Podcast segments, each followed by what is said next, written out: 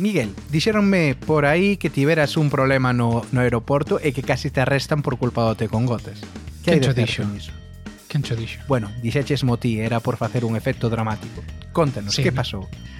Pois, a ver, eh, foi moi gracioso, de feito, eh, e tivo unha segunda parte.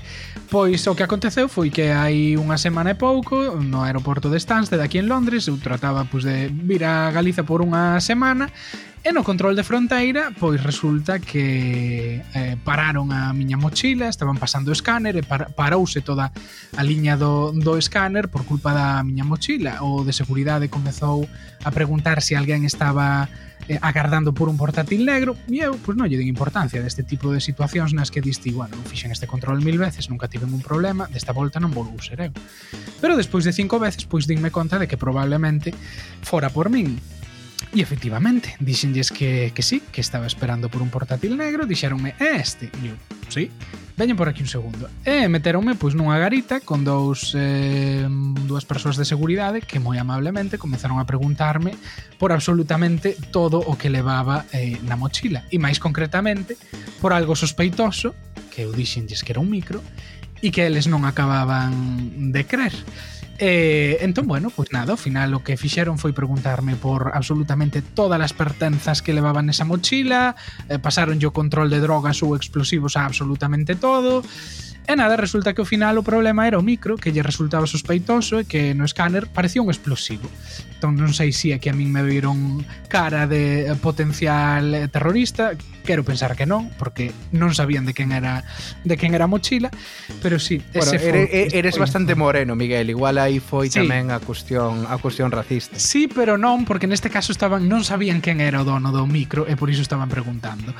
Pero bueno, ese foi o episodio en Londres eh, e tivo a súa cara B en Santiago onde pasei o micro igual, xa, desta volta xa o saquei da mochila, puxeno na bandexa e o de seguridade, cando pasei fun recoller a, a miña bandexa co micro dixome, eso que levas aí que? e dixen eu, é un micro mirou a pantalla e dixo carallo porque era así grande, non? Porque non era un micro habitual. E nada, e deixoume, deixoume pasar, non collo o micro, non o non abriu, así que, bueno, a parsimonia, non, do, do control eh, en Galiza fronte á exhaustividade no Reino Unido, as dúas caras dos controles claro. aeroportuarios. Ent, entón sabemos que se en algún momento eh, alguén quere introducir algún explosivo nun avión, é máis dado facelo desde Santiago que desde Londres. Sí, efectivamente. Si queres atentar, sai desde Galiza. Pero bueno, iso xa se sabe, iso está claro. Pois bueno, afortunadamente non temos que facer unha campaña de recollida de, de fondos para eh, liberar a Miguel, Free Miguel.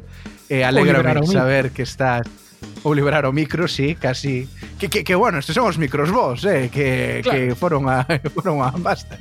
Claro, eh, claro. pero bueno, alégrame que todo tanto ti como o micrófono este ades este ades ben.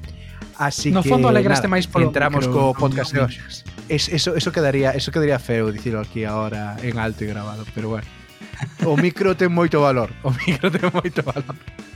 Pero nada, hoxe eh, no podcast esta semana imos falar eh, de galego en Londres. Dentro intro.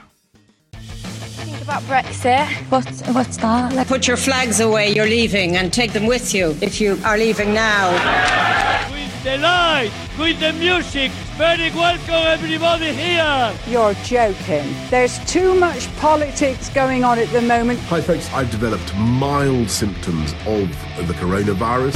The nose to the left, 432. Would you like a cup of tea? Yeah, sure. Go on, have a cup of tea. Thank you, thank you. Hoxe imos falar dun asunto que levaba moito tempo na nosa lista de potenciais episodios, eu creo que xa desde, desde o comezo do podcast. E fuchedes moitos os que suxeríchedes no pasado que tiñamos que, que falar disto. Imos falar de Galego en Londres. Que é Galego en Londres? Pois é un proxecto educativo que, resumidamente, o que quere é tender pontes entre unha aula de galego nun colexio en Londres e Galiza. E Galiza non só eh, no territorio da comunidade autónoma galega, senón na diáspora galega que vive eh, actualmente en Londres.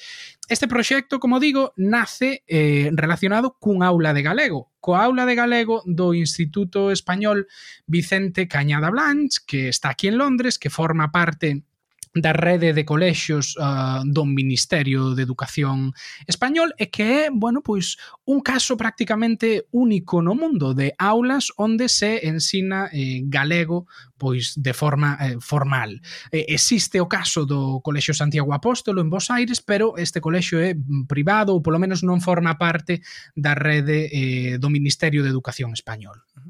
É moi interesante tamén pensar onde está situado este colexio español eh, Vicente Cañada Blanc. Está no barrio de Portobelo de Londres. Se coñecedes un pouquiño eh, a historia recente desta cidade, pois posiblemente saberedes ou escoitaríades falar que Portobelo é, digamos, o destino histórico da emigración galega, particularmente nos anos 70. E é ali onde hai ou onde houbo moitos comercios, moitos lugares icónicos ou emblemáticos para a comunidade galega e onde están os supermercados españois e onde está, por exemplo, ou onde estaba, por exemplo, o mítico bar e eh, restaurante en Galicia que pechou hai uns anos e agora é propiedade de Ed Sheeran, o, o cantante, pero eh, é un destes lugares con moita con moita historia para para a comunidade para a comunidade galega. E tamén durante moito tempo este, este Instituto Español, Vicente Cañada Blanc, estivo prácticamente dominado pola polos descendentes desta emigración eh, galega dos anos 70. ainda que agora non é tanto así, esta, digamos, impronta histórica é o que levou a que eh, dentro das, das, das aulas que, eh, que, se, que se ofrecen eh, este, estea, estea o galego, non está o catalán, non está o éuscaro, só está o galego precisamente como como mostra pois desta deste impacto da comunidade galega ne, no barrio no barrio de Portobelo en Londres. Este proxecto galego en Londres, do que está falando, do que falabas hai un momento, Miguel, nace eh, hai alrededor de 10 anos, non a aula, non a aula de galego, senón o proxecto galego en Londres, nace alrededor de 10 anos da man eh, de Xaime Varela, do profesor Xaime Varela, un pouco como resposta ao pouco interese que había eh, nas clases de galego no, no Cañada naquela época. Eu cheguei a, a setembro de 2000, no, no 2010 no Cañada, cunha situación para a área de galego realmente complicada a nivel interno, moi complicada. E ata tal punto que cheguei ao centro este dixeronme que non había alumnado de galego. Cando eu levaba unha lista da anterior profesora, Teresa Fondiño, eh, dos alumnos que presumiblemente ian continuar, que la deixaba e que ian continuar coa materia de galego. Resulta que non había ningún, non había ningún matriculado en lingua galega. Tiven que estar chamando as, eh, as casas eh, porque tiña os teléfonos deles e, eh, e bueno, era foi así bastante sorprendente porque os pais ou eles mesmos dicíanme que desde o centro se lles decía que non se ofertaba a materia Bueno, mmm, cousas internas dos centros que agora tampouco vale a pena afondar niso. En calquera caso, eh, ao final sí, eh, conseguín ter eh, algún alumnado. Entón, mm, eu cando vin o panorama que, que tiña, eh, bueno, pensei que tiña que ser un pouco diferente, porque senón seguramente o ano próximo eh, ia verme nunha tesitura semellante, non? Este é Xaime Varela, que foi o profesor que levou a aula desde 2010 a 2015 e que tamén, bueno, pois foi un pouco quen levou os primeiros anos dese perfil de Facebook de, de galego en Londres que se convertiu pois nunha referencia nun punto de encontro da comunidade galega aquí, porque claro, cando os galegos emigran, bueno, os galegos e xente de outros de outros lados, pero especialmente os galegos, pois o que fan é organizarse, crear páxinas de Facebook, crear grupos, pois onde se fala de calquera cousa, onde se fala, pois tivechedes problemas co Boa Santiago a semana pasada ou ou um, cociño caldo a semana que ven, se alguén quere que me avise ou certo colectivo pois organiza unha proxección de cinema en galego, o que sexa. Pois agora mesmo en Londres hai, por así dicilo, cando alguén chega dous grupos principais, galegos eh, morriñentos e este galego en Londres que, que creou Xaime alrededor desta, desta aula de galego. Fíxose moi popular pero inicialmente eh, non naceu con esa intención, o seu éxito veu un pouco por casualidade. Eh, Estaba nunha clase de bacharelato con, con dous alumnos que aínda andan, ou con, con varios alumnos, tres ou catro alumnos, que aínda andan por, por Londres, e recordo que me empezaron a falar da, de, de Facebook. Eh, eu sabía o que era Facebook, pero non tiña Facebook. Pois tens que facer un, tens que facer un, tens que facer un, non me deades a lata, que sí, profesor, que sí, que despois comunicábamos polo Facebook que tal, bueno. Convenceronme eh, eh, cun ordenador portátil nunha clase pequena, porque eran moi poucos alumnos, foron eles os que me abriron a conta de Facebook, que, se, que decidiron eles que se chamase Si Galego en Londres, Eh, bueno, e a partir de aí empecé a ver como se manexaba as posibilidades e demais. Eh, empecé poñendo as tarefas eh, polas, eh, polo Facebook. Eu sabía ou lera eh, algún compañeiro do meu que lle ponía as tarefas aos, ao, ao alumnado polo, polo Facebook. E eu dixen, bueno, vou ver, se estes estaban tan entusiasmados con que abrisen a conta, ver como responden agora, se eu lles poño as, se eu poño as tarefas por aí. E ben, foi ben a cousa, evidentemente son un tipo de tarefas moi especial, pensa que non lle podes poñer eh, unha tarefa cunha resposta exacta porque o segundo xa copia o primeiro entón teñen que ser unhas tarefas con as respostas abertas tipo comenta este vídeo eh, que che pareceu tal cousa. Pero claro, cun nome tan neutro como galego en Londres, e particularmente tendo en conta o que era Facebook alo polo ano 2010, pois moita xente comezou a agregar eh, como amigo daquela ainda era un perfil, non era unha páxina, a este a este perfil de galego de galego en Londres, se ti estás fora, se ti estás en Londres, se queres coñecer outros galegos ou saber o que pasa, pois agregabas a esta a esta persoa e non necesariamente ou todo o mundo non necesariamente sabía que este era o perfil eh, dunha escola. Ben, o que me sorprendeu é que como se chamaba galego en Londres, ao cabo de pouco tempo eh, empezou a sumar xente, entre outras cousas porque eu creo que tamén desde, desde o perfil de galegos morriñentos en Londres xa se fixeran eco de que eh, detrás de galego en Londres estaba o profesor de galego do Cañada. Entón, empezou a chegar certas peticións de amizade, porque direiche que este primeiro galego en Londres, primeiramente, foi un perfil, non foi unha páxina. Entón empezaban a chegar pois, mm, peticións da amizade mm, de xente que eu vía que estaba en Londres pois cinco, seis cada día, era así constante. E, e eu empecé a ollar os perfis, e, saben, realmente eran todos eh, perfis eh, moi interesantes, non? Eu, porque son curioso por natureza, estaba ademais comezando con isto. Houve un día que eu puxe unha tarefa que foi como un día clave para mí, eu recordo que era que tiñan que comentar, os alumnos tiñan que facer un comentario sobre un vídeo de Mercedes Peón. Entonces houbo unha persoa nos comentarios que me puxo mira, isto temos que facer todos. E dixen, eu dixen, ui, é verdade, a Mosamboi xa non sabía nin que era un subgrupo, nin nada disso, ni unha lista. Non, non, só é aí para os meus alumnos e tal. Entón, empecé a ver que había outras posibilidades de, de, de traballar coas redes sociais e non só eh, no centro, senón tamén fora do centro, ou fora do centro, con xente de fora do centro.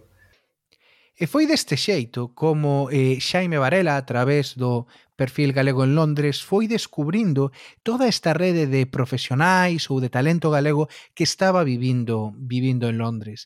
E a raíz disto comezou a organizar toda esta esta serie de charlas que se chamaban Encontros no Cañada, no cal convidaban a distintos profesionais de moitos sectores a que fosen a, a, ao Colexio Español a falar a aula de a aula de galego pois do que do que estaban facendo, do que facían na súa vida profesional e facelo en galego. Iso implicou pois que por eh, por esta escola pasaron xente que falou de neurociencia, xente que falou de enfermaría, xente que deu talleres pois de, de animación toda esa diversidade de perfis que, que profesionais que existen a día de hoxe en Londres permitiu que os alumnos de Galego do Cañada puidesen descubrir dúcias e dúcias de, de, de persoas moi talentosas e que comunicaban o, o, a súa profesión en galego, que era algo pois bastante novidoso para un aula para un aula deste tipo. E ao mesmo tempo que el que que o que o Cañada, digamos, se se nutría desta desta rede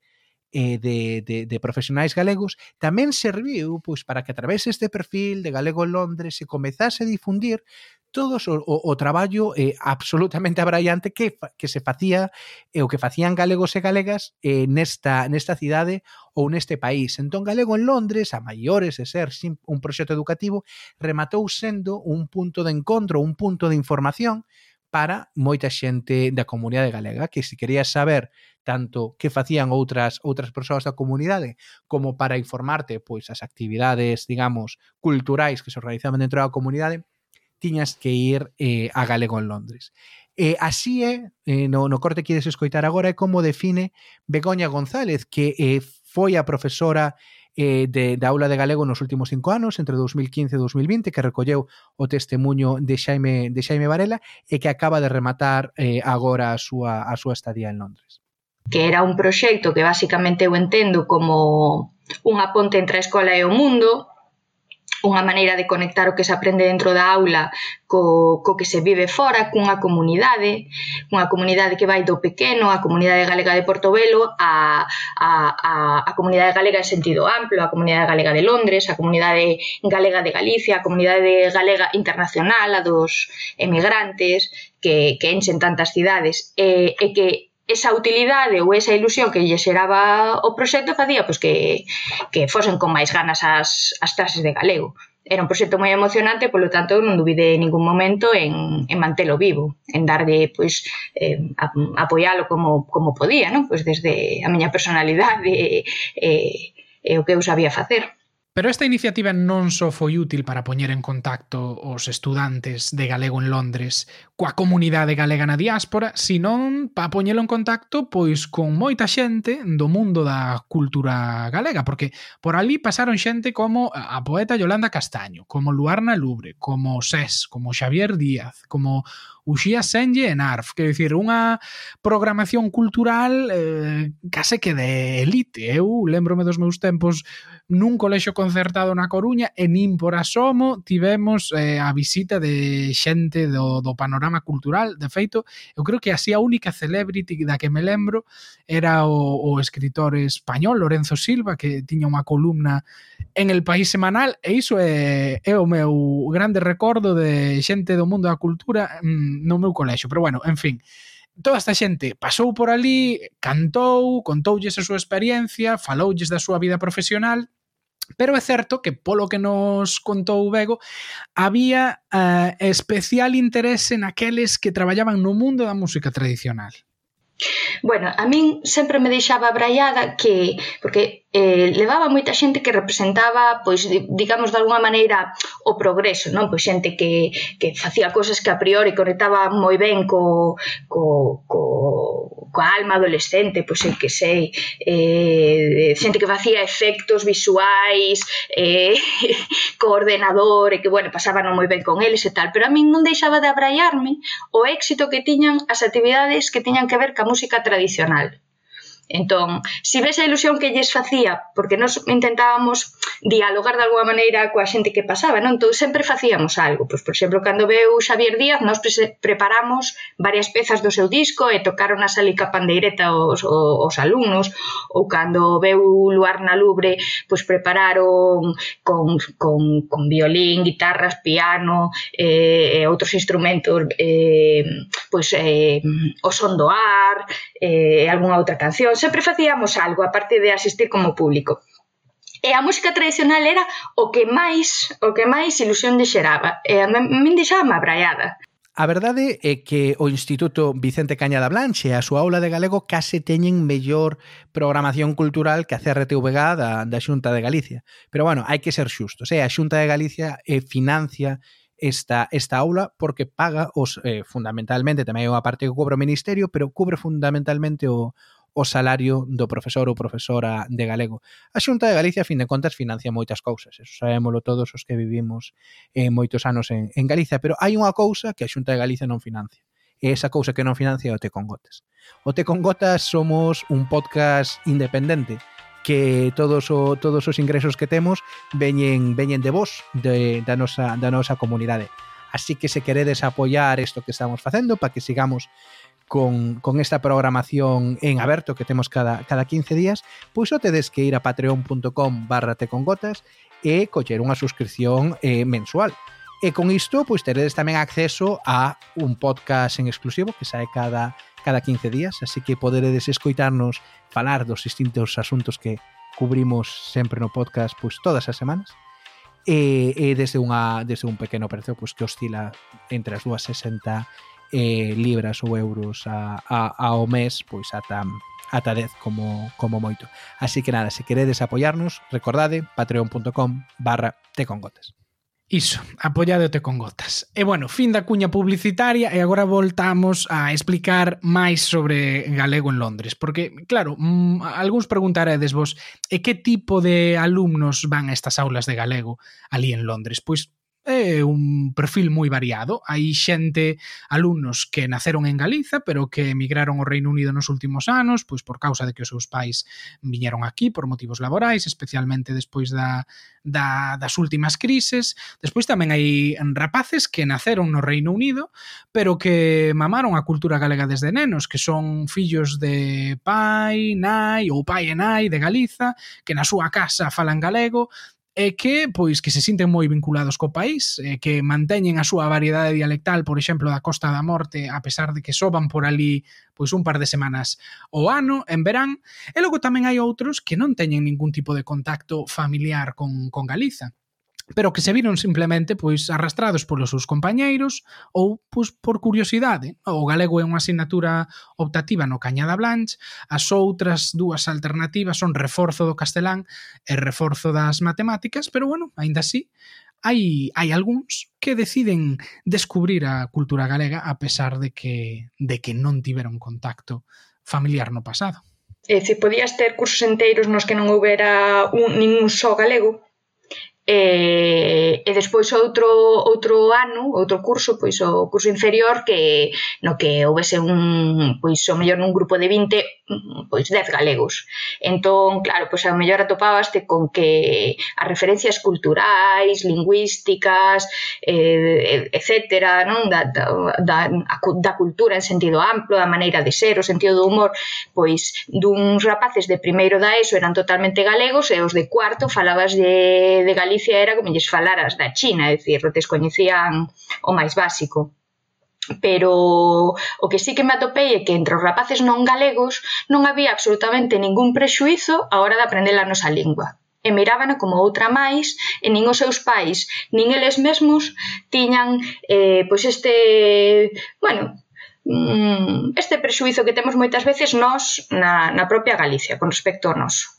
Eles aprendíano como unha lingua máis e interesábanse por ela como unha lingua máis. O proxecto galego en Londres leva existindo pois prácticamente tanto tempo como levo eu no, no Reino Unido, dez anos. E realmente neste tempo convertiuse nun auténtico referente, nun dinamizador non só evidentemente para os rapaces e as rapazas que cursan galego no, no Cañada, senón para toda a comunidade galega. Era ese punto de encontro eh, o que todo o mundo ía cando quería saber algo do que se estaba cocendo na comunidade. Era un xeito de descubrir novo talento, de descubrir que estaba facendo outra xente outra xente como como a ti era unha auténtica voz eh, unha casi unha, un espazo de networking non para para a comunidade para a comunidade galega é un proxecto super interesante que, que eu creo que nos marcou moito aos que aos que pasamos por aquí nesta nesta última nesta última década.